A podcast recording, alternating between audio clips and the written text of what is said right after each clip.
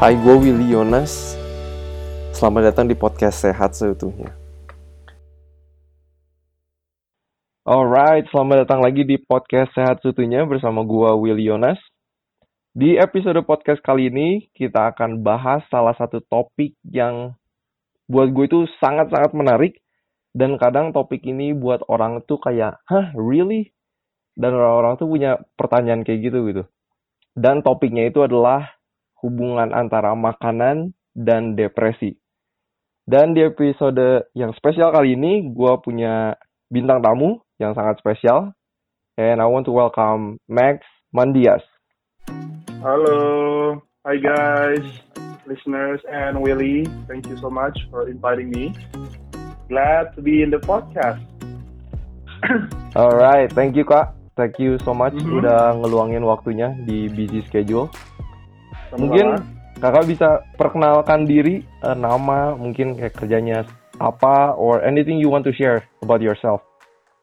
Hmm, oke. Oh, and maybe I can start kayak dari nama nama adalah dan pekerjaan gitu ya. Sure.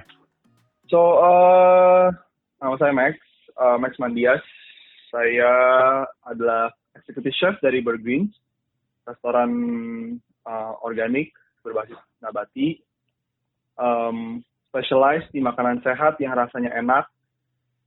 Dan um, other than that, um, saya juga adalah nutritional health coach di Jeda Wellness, di mana um, saya mengajarkan mungkin sharing gitu ya setiap bulan rutin tentang different topics. It can be from women's health, uh, emotional health dan lain-lain dan hubungannya dengan nutrition dan gimana uh, dan bahkan sampai ke chronic illnesses like cancer, diabetes and how to treat them with with uh, lifestyle intervention. Jadi bukan cuma nutrition, but nutrition plays a really big role. Hmm. Um, dan di situ juga aku sendiri uh, selain mengajarkan uh, teorinya dan how it really works gitu ya kayak, kayak pola makan uh, yang berbasis nabati dapat menyembuhkan. I also teach them how to prepare their food gitu kayak Hmm. uh, memasak gitu ya memasak membuat smoothies specific to the topic jadi kayak usually kayak smoothies for cancer atau soup for uh, cancer, diabetes dan lain-lain gitu. Jadi benar very specific to the topic uh, using kayak bahan-bahan yang memang uh, evidence yang uh, udah evidence based gitu ya, yang proven to Right. to to work uh, to treat uh, those health issues gitu. Uh, ya mungkin uh, ya jadi so my heart my heart even though kayak Burgreens uh, as a restaurant itu is a business gitu ya I'm I never consider myself as a businessman gitu ya I'm Hmm. more uh, my heart is in education hmm. uh, my heart is in making healthy foods ya uh, or like uh, mungkin lebih tepatnya lebih kayak mengajarkan orang untuk menginspirasi orang untuk uh, memulai se- hidup sehat dari rumahnya masing-masing gitu. Hmm. Wow, that's that's really Ya. nice. Kamek sendiri based di Jakarta ya? Ya, aku based di Jakarta. Uh, mungkin just to get an impression of wh- where, where I am at the moment, karena uh, Jakarta sama rumahku BSD itu agak berbeda gitu ya. BSD so much greener space. Uh, aku tinggal di satu kompleks yang sangat-sangat tenang uh, with my three dogs. Um, ya dan um, ya I just I, I, I- walaupun tinggal di Jakarta tuh kata orang-orang sumpek dan lain-lain, but I feel like living in BSD itu uh, mengingatkan aku sama tinggal di Eropa waktu dulu gitu. Hmm. That's where I live. Oke. Nanti bakal cerita Eropa lebih banyak ya as as we go along with Boleh, the boleh, podcast. Sure, sure, sure, sure. so, ini alasannya kenapa sih aku mau undang Kamex Mandias hari ini? Soalnya aku dengar eh, kesaksiannya Kamex Mandias sendiri em, kalau katanya dulu pernah ngalamin depresi dan dia meng- mendapatkan Iya. solusi dari depresi itu. Nah, gimana sih itu ceritanya, Kak? Eh, mungkin long story eh, bukan long story short, tapi eh, kita look back ke zaman dulu ya tahun 2012 uh, I, itu that's when it happened. Oke. Jadi saat itu aku memang masih tinggal di uh, Belanda gitu kan, karena aku tinggal dari di Belanda tuh dari tahun 2006 sampai 2013 tuh. Oh wow, lumayan juga ya. Uh, Iya lumayan lumayan banget gitu kan. lumayan lama tujuh tahun. Uh, kayak I grew up there lah. Kayak most of my young adult life tuh aku Hmm. I spent it in in Holland. Um, jadi pas enam tahun pertama, uh, I eat, I play, and I I do things just like everybody else gitu ya. Aku nggak pernah merestrict makanan. Aku nggak pernah I drink I drink a lot. ya, I Hmm. drink alcohol a lot dan segala macam. Just like any other college students lah gitu ya. uh, itu empat tahun pertama lah waktu pas di college and then I moved to Amsterdam Uh, tadinya di kota kecil bernama Arnhem Oke. Um, terus uh, karena karena aku itu adalah graduate dari uh, finance uh, and control uh, finance and accounting gitu ya Mhm. jadi uh, I got a job as a data analyst di salah satu perusahaan gitu Oke. And um, uh, kayak again for the for the first one and a half years itu it feels it feels okay gitu ya. But suddenly tiba-tiba um, di bulan Mei ya, bulan Mei 2012, uh, I felt itu udah mulai uh, going downhill gitu ya. I felt like I don't want to go out from the house dan Hmm. aku uh, I don't want to meet people I uh, pokoknya aku jadi uh, cemas banget gitu ya nggak bisa tidur. You know I had insomnia for eight months. Oh wow. gitu dari dari dari Mei sampai Desember gitu kan. Hmm. uh, that uh, that that's that's really bad sih. I I felt really bad gitu kan. Karena kalau kalau kita nggak bisa tidur you know you know what happened right? Gitu kan. Hmm. Uh, jadi keba jadi ka- kacau balau lah gitu. Kayak zombie. uh, kayak zombie, you know, you don't you don't feel like you don't want you don't want to apa ya wake up from your bed gitu. Hmm. Although you cannot in the first place you cannot sleep juga gitu kan. Iya, iya, iya. Kayak kita uh, itu benar-benar aku ngerasain banget sih kayak don't have energy at all. Inspiration itu is wow itu is is nggak nggak nggak pernah muncul non existent.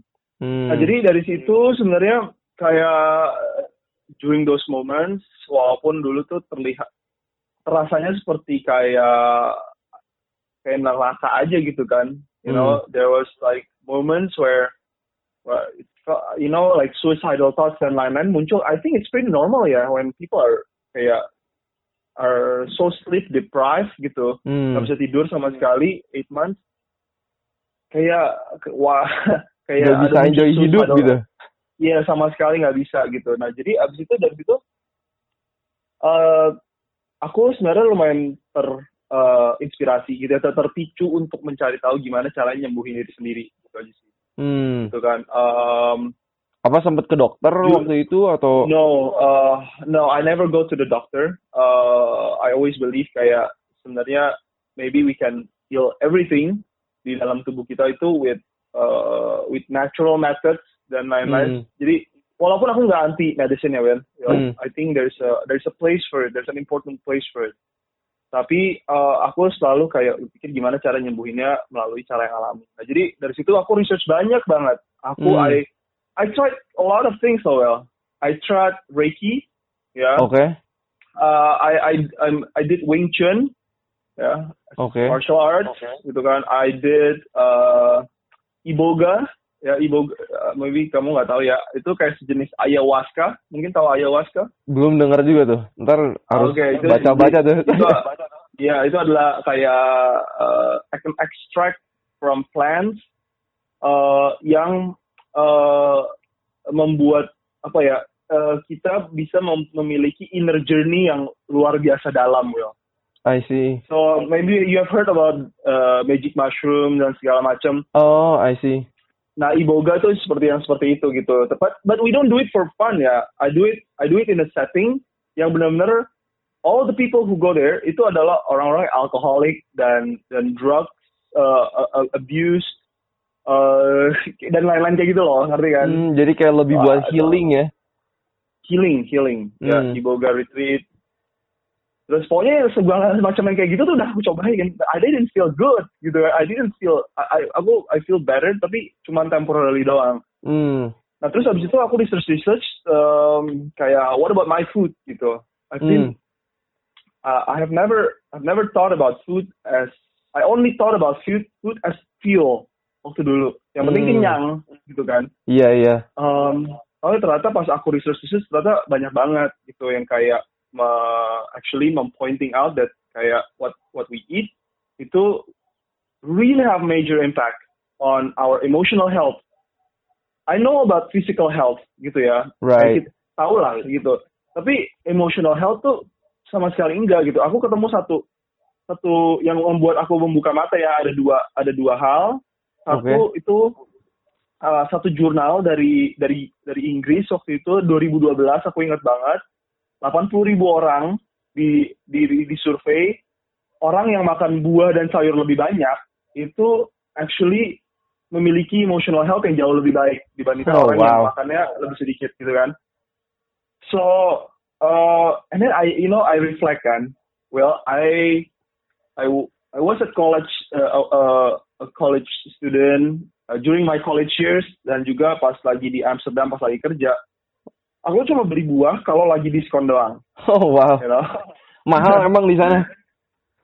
Eh, sebenarnya nggak juga sih, maybe the, just the habit ya, the habit Hmm. of buying fruits yourself. Mendingan beli Lays gitu, ngerti nggak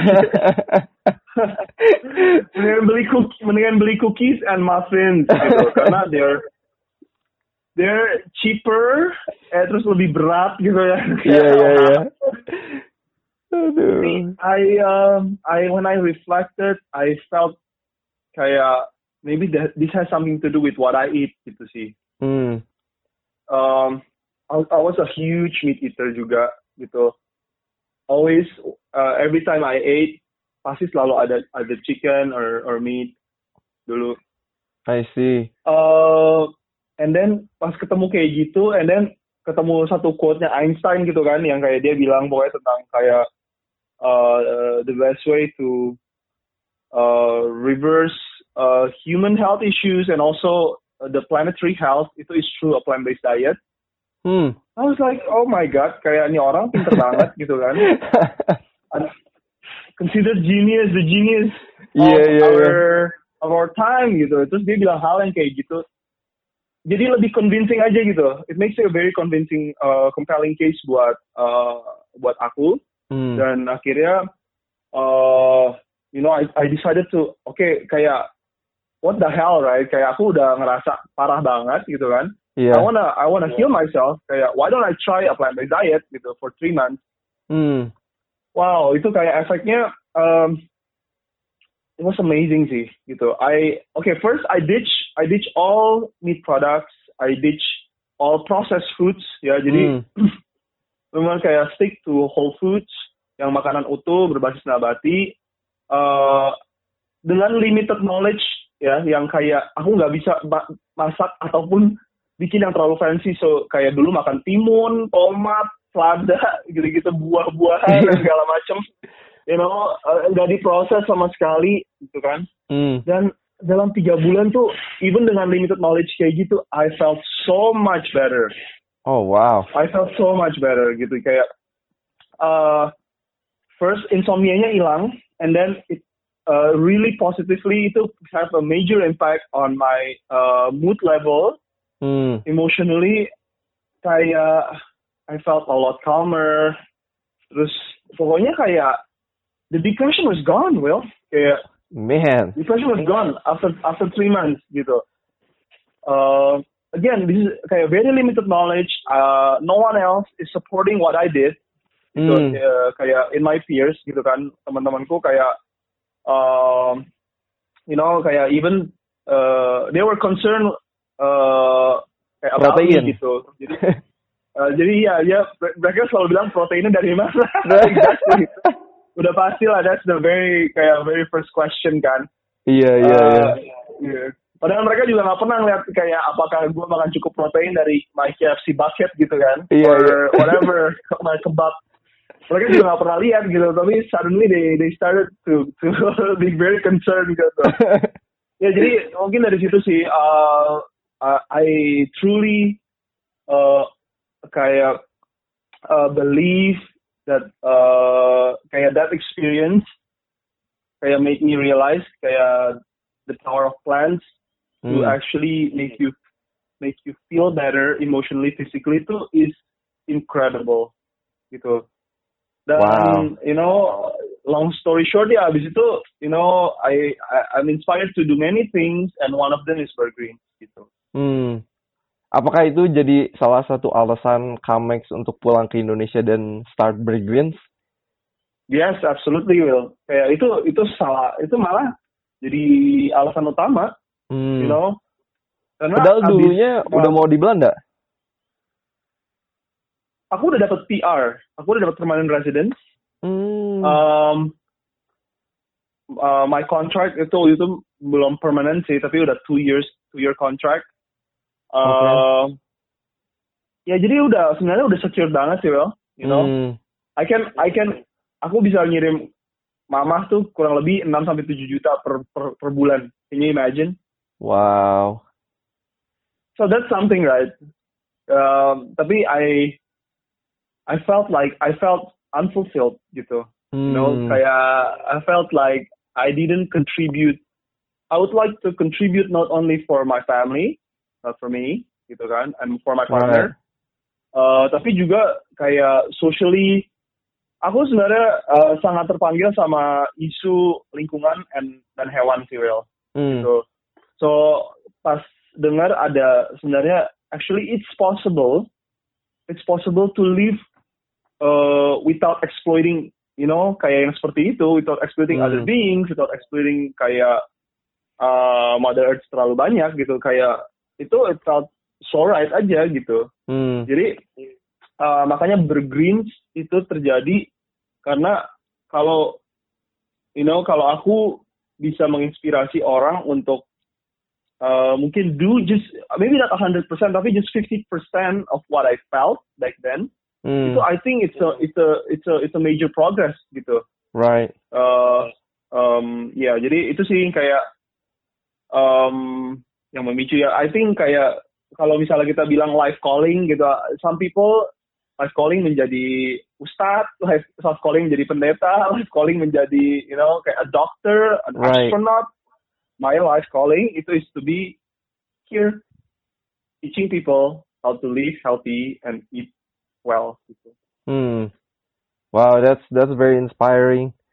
Um, kalau misalnya kita mau dig deeper lagi nih, apa sih Iya.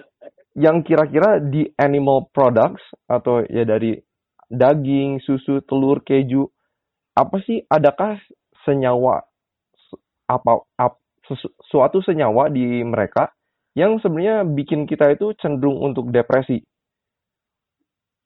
um, jadi multiple jadi ada ini ini it's a multi factor ya Hmm. jadi animal protein itu mempunyai beberapa mekanisme yang dapat memicu eh, peradangan yang akhirnya memicu eh, emotional issues gitu Hmm. mungkin eh, kita breakdown satu-satu aja gitu ya kayak ada yang namanya um, arachidonic acid Oke. gitu arachidonic arachidonic acid eh, itu asam arachidonat itu eh, is very rich in eh, apa namanya eh, protein hewani ya Hmm. 80% of arachidonic acid di dalam di dalam food sources dan juga di dalam tubuh manusia itu kita dapatkan dari sumber hewani gitu ya.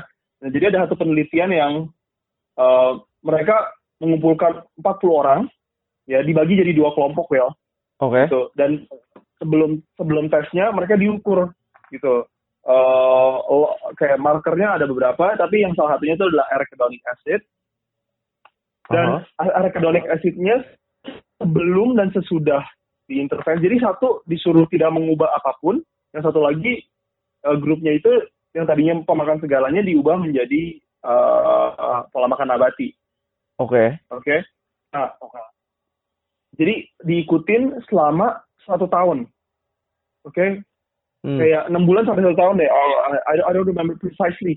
Tapi abis itu kayak you oh sorry two weeks two weeks not not six months two weeks sorry six months ada yang satu satu jurnal lagi oke okay. dan setelah two weeks itu arachidonic acidnya is uh, itu fell to the lowest level zero gitu ya. Jadi turun sampai beberapa kali lipat gitu. Mm -hmm.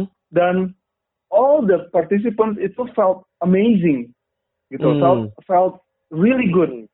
Felt kayak a lot calmer less anxiety gitu. Lebih lebih nggak cemas dan mm.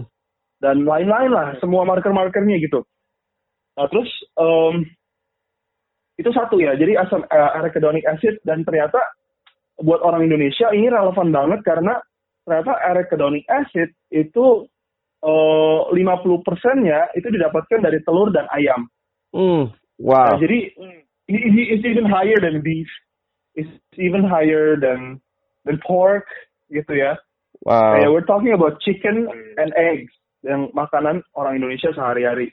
Yeah. So, so yes uh, gila ya kan uh, kita kan sangat uh, apa chicken population banget gitu orang-orangnya. Ayam geprek nih uh, sekarang. ya kalau misalnya lagi ngelihat ke aplikasi food delivery gitu kan, hmm. kayak lihat aja di Google uh, search top 10-nya sekarang gitu. Kita bisa lihat kayak uh, itu mendominasi banget gitu yang ada hmm. di dalam uh, uh, apps tersebut gitu. So hmm. itu itu satu mekanisme. Terus abis itu ada juga uh, penelitian tentang sebenarnya bukan hanya bukan hanya dari dari dari sesuatu yang ada di dagingnya sih, well, gitu. Hmm. I think kita we all agree kayak kita sebenarnya apa yang kita makan gitu kan we are what we eat right and uh, we are what our microbiome eats sebenarnya hmm. kayak apa uh, bakteri usus kita gitu kan. Yes. kan karena mereka yang mendigest hmm. gitu. Ada satu saying yang yang yang bagus banget. Uh, dia bilang gini you may not be a vegetarian. Kamu mungkin bukan vegetarian but your microflora is. Tapi bakteri ususmu is a vegetarian. I like that. don't starve your children. Don't starve your children gitu kayak. Iya kan? Iya yeah, iya yeah, iya. Yeah. I think dan dan ada satu pokoknya setelah diteliti Will, you know about serotonin kan? Right. Uh, kayak orang-orang sekarang ngomongin tentang hormon kebahagiaan bernama serotonin, uh, dopamin gitu. Yes. Kita ngomongin serotonin aja gitu. Yang uh, kalau misalnya orang-orang depresi serotoninnya itu pasti rendah. Gitu. Hmm. Ya, dibandingkan orang-orang yang normal. Serotonin ternyata itu like 90% itu diprodu diproduksinya itu di dalam usus. Hmm can you believe kayak sesuatu senyawa yang kayak yang yang sangat berpengaruh buat mood kita actually is being produced in our gut. Iya. Yeah. Gitu, bukan di dalam otak gitu kan. Man, unbelievable. Nah, ini, it's unbelievable. Dan itu uh, serotonin itu nggak bisa diproduksi begitu aja. Sama aja kayak pabrik kan butuh bahan baku gitu gitu ya. Dan akhirnya bisa mereka memproduksi sesuatu. Nah, serotonin itu hanyalah hasil dari dari pabrik di dalam tubuh kita gitu. Right. Dia hanyalah hasil. Nah, bahan bakunya itu adalah fiber. Kayak uh, oligosaccharides kalau hmm. dibilangnya gitu. Jadi kayak benar-benar fiber dari tumbuh-tumbuhan ya, dari apakah itu dari sayuran, biji-bijian, yeah. uh, you name it lah, semuanya gitu, umbi-umbian. Nah, itu sebenarnya itulah kalau badan kita atau bakteri usus kita mendeteksi di dalam uh, pola makan kita gitu di dalam pas masuk pencernaan ada serat-serat tersebut hmm. they can produce serotonin dan akhirnya we feel we feel better gitu hmm. dan sebenarnya serotonin itu bukan bukannya kayak oh, aneh ya Tuhan menciptakan serotonin yang ini itu buat mood tapi kok di perut gitu oh aneh banget gitu iya yeah, iya yeah. sebenarnya iya kan itu kan kayak gitu kan dikira tapi sebenarnya serotonin itu kerjanya bukan hanya buat mood kita doang gitu. Hmm. It's about kayak membuat gerakan peristaltik sehingga usus kita bisa um, mem, apa ya membuat makanan-makanan yang sudah dicerna itu berjalan menuju pembuangan akhir. Iya. Yeah. So it's not always about our feelings kayak you know dan lain-lain tapi it's about satu fungsi biologis manusia yang enggak yang yang yang kompleks banget gitu. Hmm. Ya, jadi uh, mood is just one of them. tapi serotonin itu ternyata sangat sangat sangat diperlukan untuk membuat gerakan peristaltik tersebut gitu. Isn't that crazy, well? Gitu kan? Crazy. Wow. Iya kan? Terus um, dopamin juga dopamin uh, ternyata bahan bakunya adalah vitamin C ya. Hmm. Vitamin C hanya ditemukan di mana gitu kan? Plant foods. Di di plant di pola makan uh, atau bahan-bahan yang berbasis nabati kayak buah-buahan atau sayur-sayuran gitu kan. Yes. Uh, jadi kalau misalnya you know kayak kita mau membuat produksi dari serotonin, dopamin ini lebih banyak ya kita harus you know we have to pay special attention to to to, to our children mm. kayak to the to the microflora yang tinggal di dalam usus kita gitu.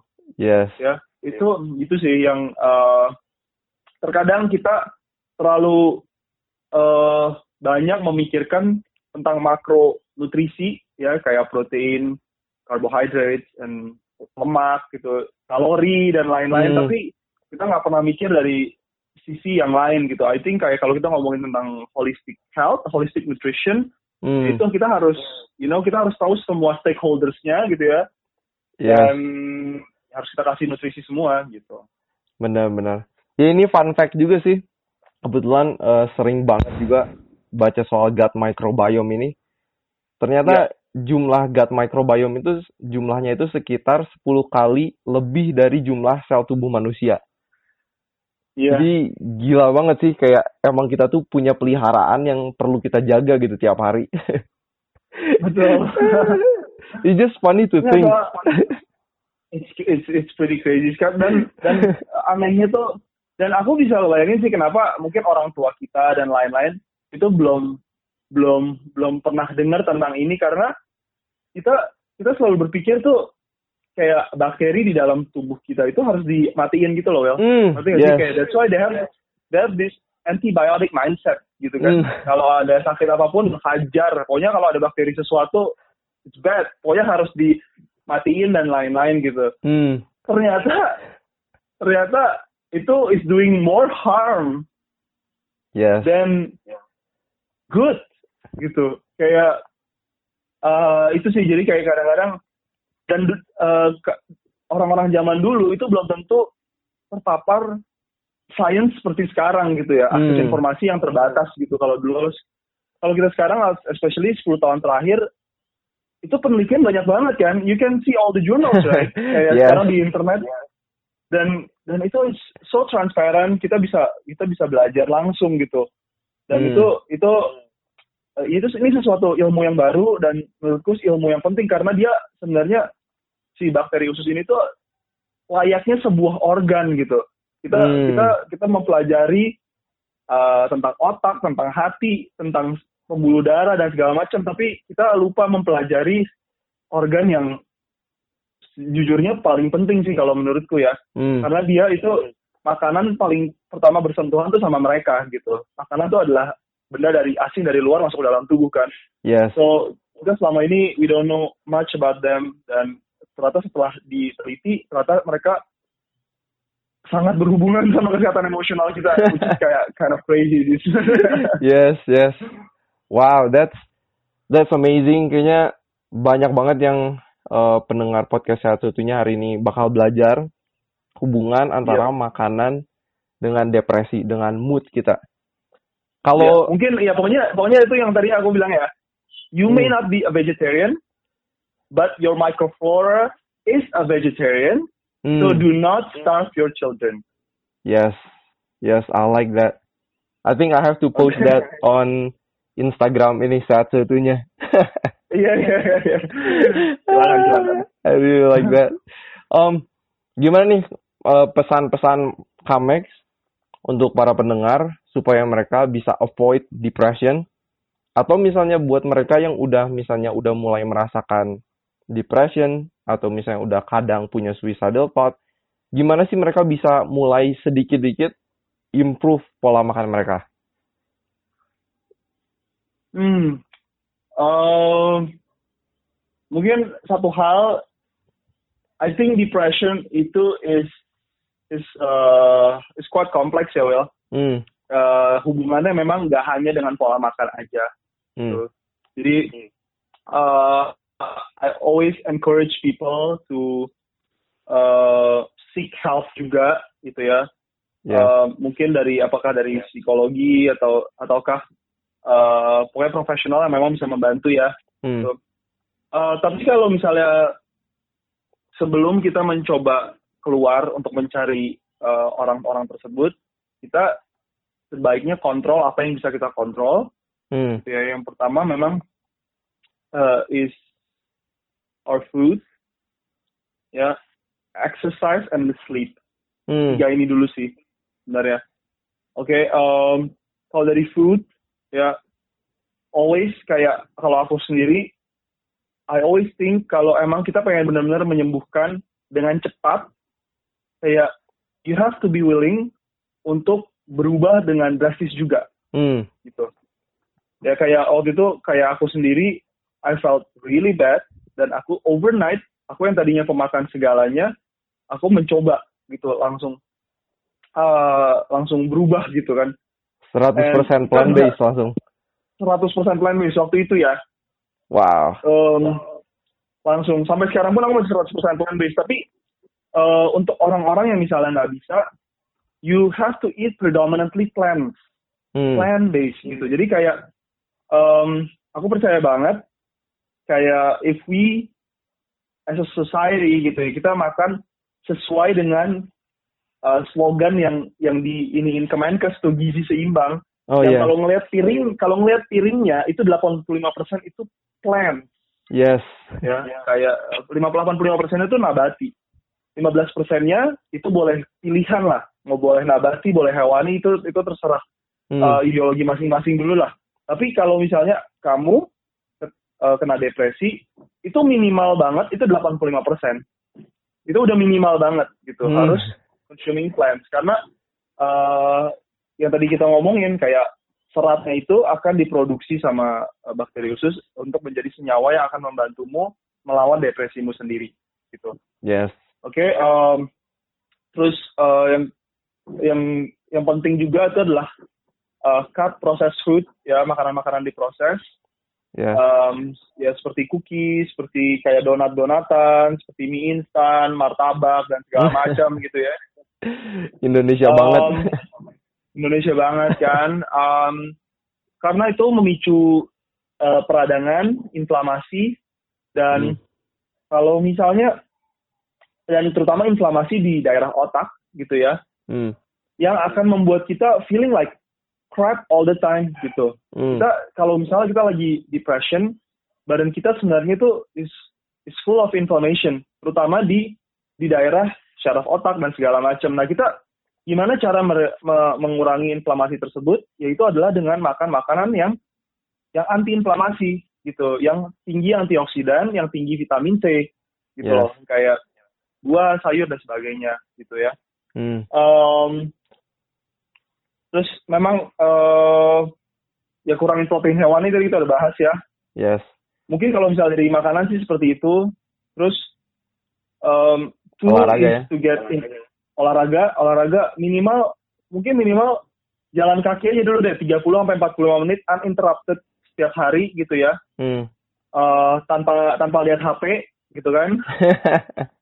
Ya, 30 menit aja sehari, you know, kayak it will help a lot. Terus eh, tidur juga sama yang terakhir mungkin ada baiknya um, social media detox juga sih, Well. hmm. Sebenarnya. Yes. A lot of people bahkan loh ya di in the in the vegan community yang kayak kita bilangnya udah healthier than the rest of the population gitu ya Ya. eh itu banyak banget influencer-influencernya tuh yang yang main to depression gitu. Kalau Hmm. kalau ngikutin ya ada ceritanya pokoknya dua tahun belakangan lah gitu. Banyak banget yang depression dan segala macam. I think it plays a big role gitu ya. Jadi Hmm. bukan hanya again kita nggak mau nggak mau mau membuat orang salah kaprah kayak berpikir nutrisi bisa menyembuhkan segalanya. Tapi ini kayak hol- holi harus holistik banget sih Yes. harus holistik banget. eh kayak social media detox itu salah satu yang penting.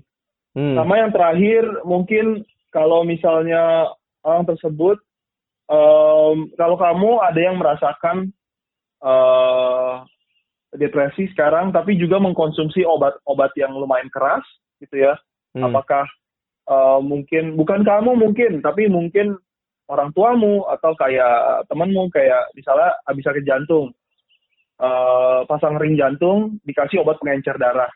This hmm. medicine, this medication itu has a side effect yang bisa membuat mood kita tuh kacau balau banget gitu. Hmm. It triggers gejala-gejala depresi juga, Will, gitu.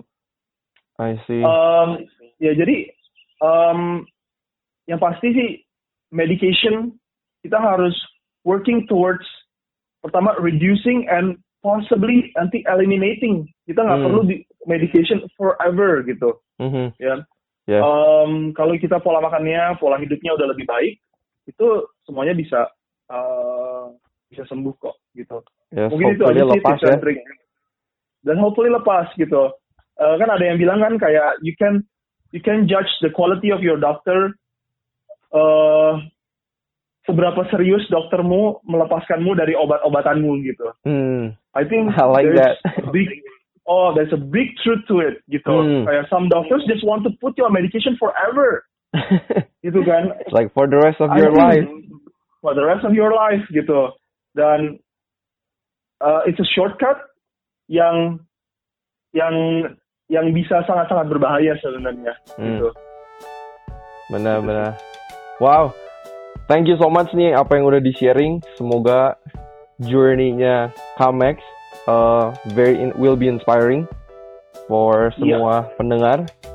Dan mungkin Kamex mau promote nih sedikit gimana nih kalau mereka mau makan plant based tapi mereka nggak punya waktu. Kalau mereka di uh, Jakarta kalau, nih khususnya. Iya. Dan di Bandung dong. Oh ya di Bandung. ya jadi uh, aku sendiri punya restoran bernama Bergreens ya um, untuk teman-teman ya kita specialize di makanan sehat yang rasanya enak ya jadi buat teman-teman yang nggak punya waktu yang nggak punya inspirasi untuk kayak gimana caranya memulai makanan sehat berbasis nabati yang rasanya enak, please just come to Burgreens, terus cobain langsung makanannya dan semoga abis itu bisa terinspirasi untuk membuat sendiri di rumah. Uh, ya again atau enggak kayak mas, malas masak untuk orang tua yang mungkin membutuh lebih membutuhkan daripada kamu sendiri tapi rasanya kayaknya Indonesia banget atau kayak nyarinya yang gurih-gurih banget segala macam. Hmm. Come to Greens kita we have that option for for your loved ones gitu. Hmm, yes. um, ya jadi uh, kita ada di 9 lokasi di Jakarta dan satu lokasi di Bandung di Jalan Cimanuk ya. Yes. Kalau yang di Jakarta silahkan lihat aja di Instagramnya at Burgreens ya atau kalau misalnya pengen tahu lebih banyak tentang profilku sendiri ini bisa ke @maxmandias uh, di Instagram juga. Oke, okay. wow, thank you so yeah. much. Uh, selalu kita thank you, mau closing podcast. Thank you para listeners juga. Yes, nanti bantu share nanti kita populerkan lagi lah plant based diet. nice, nice, nice, nice. I think more, uh, yang aku bilang ke Willy juga sebelum tadi pas mulai, uh, menurutku tahun 2020 ini akan menjadi kayak a very strong year for for people who wants to go plant based ya ber, uh, berbasis nabati either you want to go vegan atau hanya plant based yang, pescatarian atau flexitarian it doesn't matter. I think 2020 ke depannya ini akan menjadi kayak waktu dan tahun di mana I think people can be really proud. Hmm really proud becoming a plant-based eaters. So, yeah. uh, ya, yeah. semoga yeah. bisa menginspirasi semuanya deh. Gitu aja. Yes, amin, amin. Amin. Well, thank you, Kamex. Waktunya. Thank you so much. Thank much you. Appreciated. Thank you. Ya, semoga semoga selalu sukses podcastnya.